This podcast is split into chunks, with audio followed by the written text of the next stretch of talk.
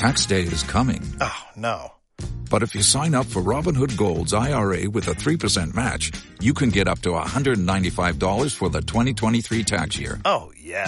Sign up at Robinhood.com slash boost by tax day to get the biggest contribution match on the market. Subscription fees apply. Investing involves risk. 3% match requires gold for one year from first match. Must keep IRA for five years. Robinhood Financial LLC member SIPC.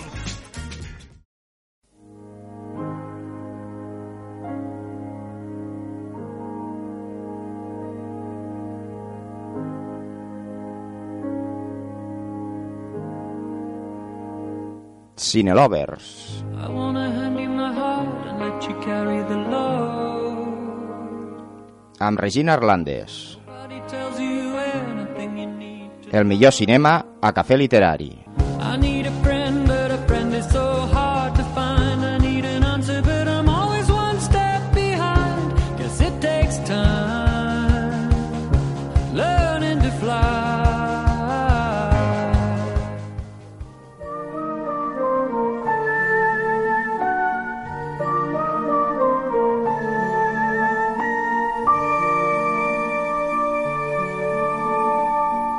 I continuem el nostre cafè literari amb Cine Lovers, amb la Regina Arlandes, com cada setmana, que ens porta una nova ressenya.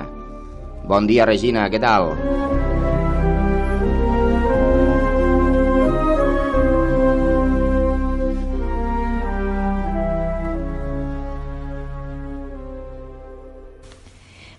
Paco. Bon dia, amics del Cafè Literari. Sempre un plaer estar amb altres i poder-vos explicar les sensacions que sento quan miro una pel·lícula. De veritat que és tot un privilegi.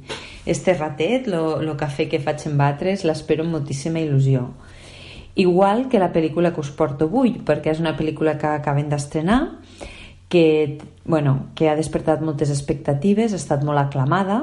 La pel·lícula és La forma de l'aigua, ha obtingut 13 nominacions als Oscars, ha aconseguit el Lleu d'Or al Festival de Venècia, el Globus d'Or al millor director i a la millor banda sonora original, tres premis BAFTA, entre d'altres.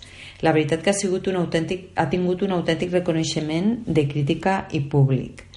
La pel·lícula està dirigida pel director mexicà Guillermo del Toro, també és productor i guionista.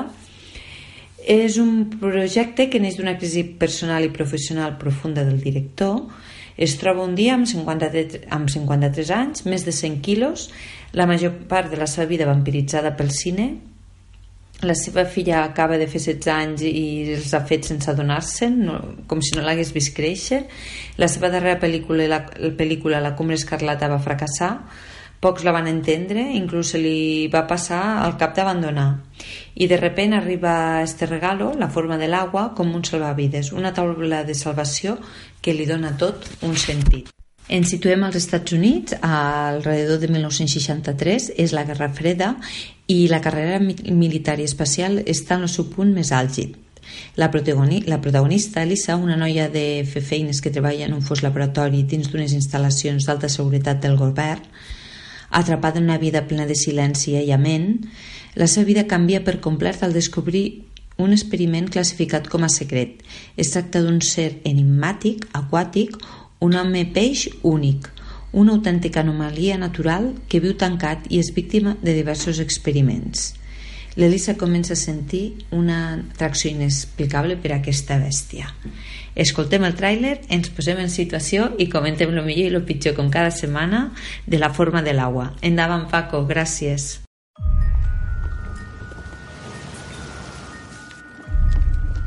Si sabéis algo sobre todo lo que ocurrió, tenéis la obligación de dar parte. ¿Qué está diciendo? Muy bien. Haz como si no supieras nada. Nuestra única preocupación es el sujeto. Los soviéticos lo quieren. ¿Lo tienen? Lo voy a recuperar. ¿Alguna lo vio entrar o salir del laboratorio? Nada fuera de lo normal, ¿no? Este es el recurso más delicado jamás custodiado en este centro. ¿Cómo han entrado? Nos enfrentamos a un grupo muy bien entrenado, al menos de 10 hombres, eficientes, despiadados, con precisión milimétrica. Vamos a sincronizar los relojes como hacen en las películas. Hijo, solucione esta cagada.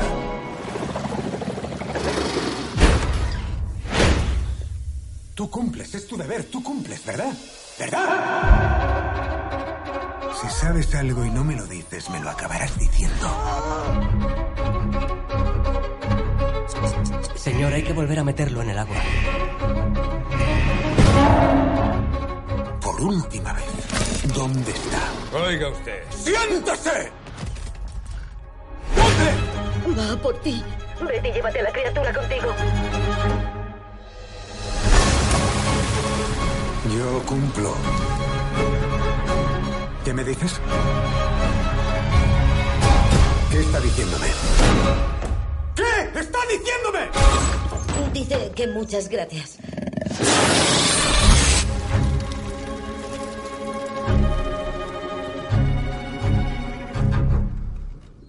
Què ha sigut per a mi el millor de la forma de l'aigua? Bueno, indiscutiblement, l'estranya història d'amor, que s'enamorin un monstre aquàtic i una noia de la neteja muda.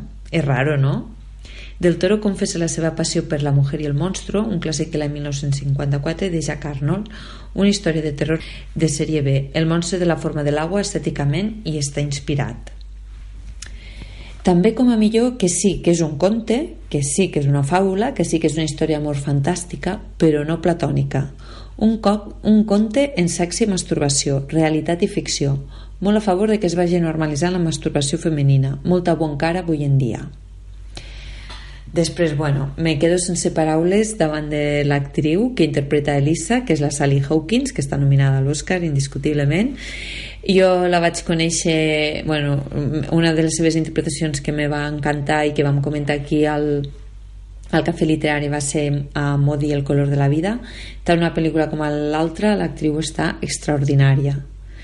El paper, va, el paper d'esta pel·lícula va ser escrit per a ella eh, s'explica no? com a curiositat que, que Guillermo del Toro estava en una festa es va trobar amb la, amb la Sally Hawkins i li va dir estic pensant un paper per a tu i t'enamores d'un peix i ella se'n va riure i sí, sí, li va escriure, li va escriure la veritat que, que el personatge de la Sally Hawkins encarna com ningú la força de les dones.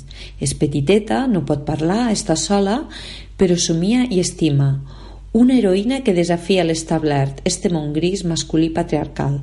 Com diu el director, Elisa no és una perdedora, perquè és una somiadora.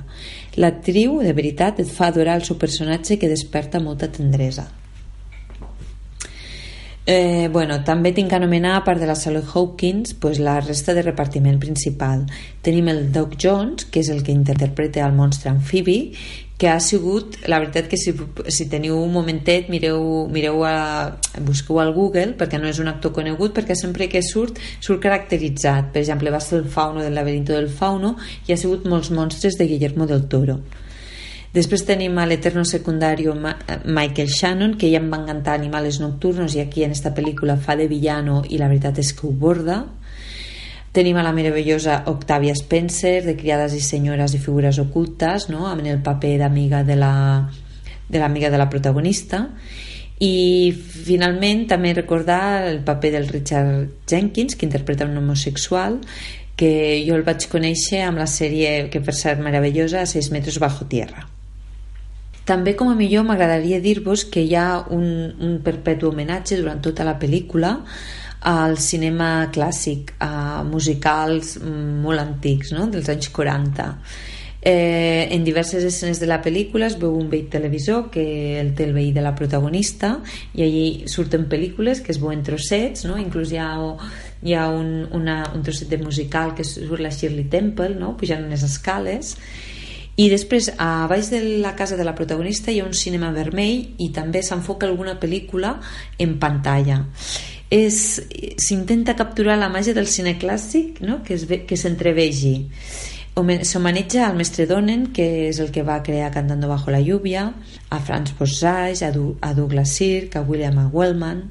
Eh, la veritat és que ho vaig trobar genial. Dit això acabo amb lo millor i vaig amb lo pitjor. Lo pitjor, que com és tan fantàstica és una història que t'has de, de és un conte, és una fàbula algú, algú pugui pensar que és ridícula També com a pitjor, doncs, bueno, recordar la Guerra Freda, l'Amèrica que es pensava ideal, aquella nació prèvia a la Guerra del Vietnam, la que pensava que la perfecció i la felicitat era sentar-se en una bandeja davant de la tele.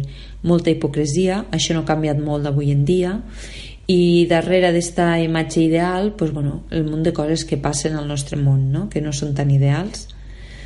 També com a pitjor, doncs, bueno, aquí, en aquesta pel·lícula s'entreveu els departaments governamentals que guarden secrets, sempre no ens enterem mai del que passa la gent del carrer.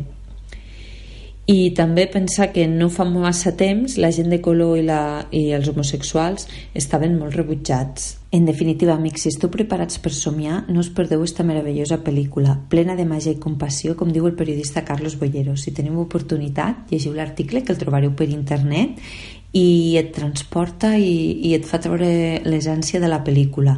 Segur que us agafaran ganes de veure-la.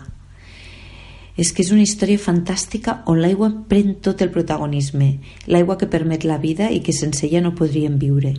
La trobem en cada una de les escenes, com si fos un actor més de la pel·lícula, en forma de pluja a l'interior d'una banyera, dins de la cassola que prepara els ous durs amb la seva ebullició, a la finestra quan plou, als canals, als gots, al laboratori. L'aigua com a nexe d'unió molt potent entre els sers vius i l'entorn que els envolta. També m'agradaria comentar-vos abans d'acabar que la pel·lícula respira l'irisme de la conegudíssima Amélie del director Jean-Pierre Genet. Són dues pel·lícules molt diferents, però se recorden una a l'altra. També que la gamma cromàtica de la pel·lícula, per aproximar-nos al món meravellós de l'aigua, es mou entre els verds i els blaus. Genial la introducció de la història quan comença la pel·lícula, com si el pis de la protagonista estés submergit dins de l'oceà. I ara sí, per acabar, una petita reflexió que de veritat te fas quan acabes de veure la, la pel·lícula. Qui veritablement és lo monstru? Lo ser aquàtic i estrany o el ser humà ple de maldat? Tornem a la reivindicació que la bellesa de l'ànima és l'única que ens dona humanitat i valors. Així que, amics, siguem pues tots aigua, fluïm i bones persones. Desitjo us hagi agradat. Ens veiem, ens escoltem la setmana vinent. Una abraçada, amics. Adeu. Doncs molt bé, moltes gràcies, Regina. Interessantíssimes, com sempre, les teves ressenyes, avui amb la forma de l'aigua. I, bueno, hasta la setmana que ve. Gràcies, adeu.